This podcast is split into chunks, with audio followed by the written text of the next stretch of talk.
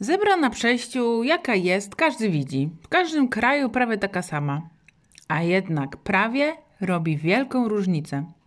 Przechodząc przez przejście dla pieszych, doznałam jednego z pierwszych zaskoczeń w tym kraju. Pamiętacie, jak mama uczyła, żeby bardzo, ale to bardzo uważać na przejściu dla pieszych, bo może to się źle skończyć. I człowiek wychowany w duchu, że zło czyha na każdym przejściu, stawał zawsze na baczność już w połowie chodnika. 30 lat później zbliżam się nieśpiesznie do mojej pierwszej australijskiej zebry, grzecznie się zatrzymuję i czekam.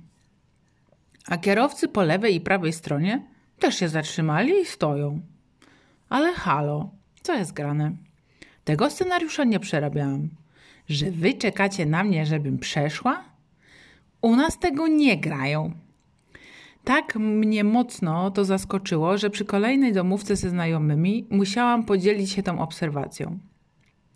A tutaj podzielę się innymi zaskoczeniami, bo ci znajomi już nie chcą mnie słuchać. Oni etap zaskoczenia mieli 5 lat temu, a ja swoje do tej pory jeszcze dobrze pamiętam. Takie stanie w kolejce w sklepie do najfajniejszych zajęć nie należy, prawda? Moje zakupy wyglądają tak, że najczęściej łapię dwie lub trzy rzeczy i uciekam jak najszybciej ze sklepu. Znaczy płacę, płacę też.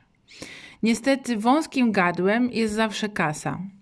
Obładowani pokorek klienci stoją ze swoimi wózkami i na końcu ja z kilogramem mąki. No ale cierpliwie czekam na swoją kolej. I tak sobie myślę, gdybym miała tylko odwagę, żeby się zapytać, czy mnie przepuszczą. Na myśleniu się jednak kończy. Jednak w tej kolejce zawsze znajdzie się ktoś, kto obetnie mnie wzrokiem z dołu do góry, popatrzy na ten mój kilogram mąki i zapyta: To może ja cię przepuszczę?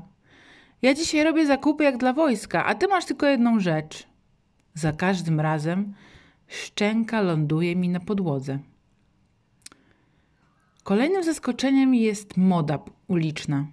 Nie powiedziałabym o sobie, że jestem jakąś. że, że się jakoś przejmuję specjalnie ubraniami.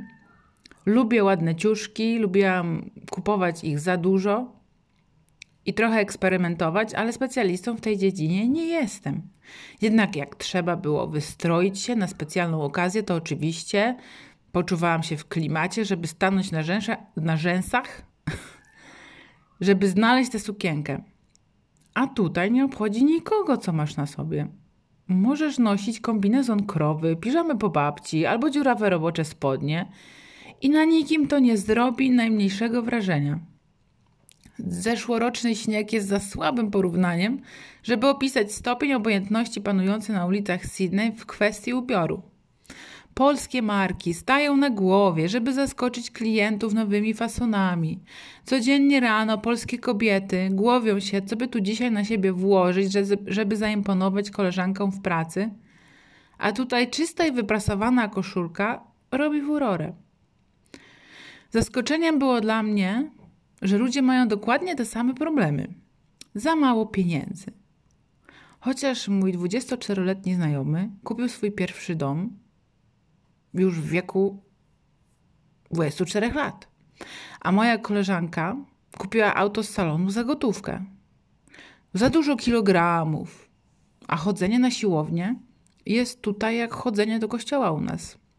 Materialnie stać ich na wiele, ale tych, co znam, w tej pogoni za pieniądzem są mega samotni. Często młodzi i piękni cierpią na depresję. Nie mają czasu na stałe związki czy przyjaźnie, bo ciągle za czymś gonią.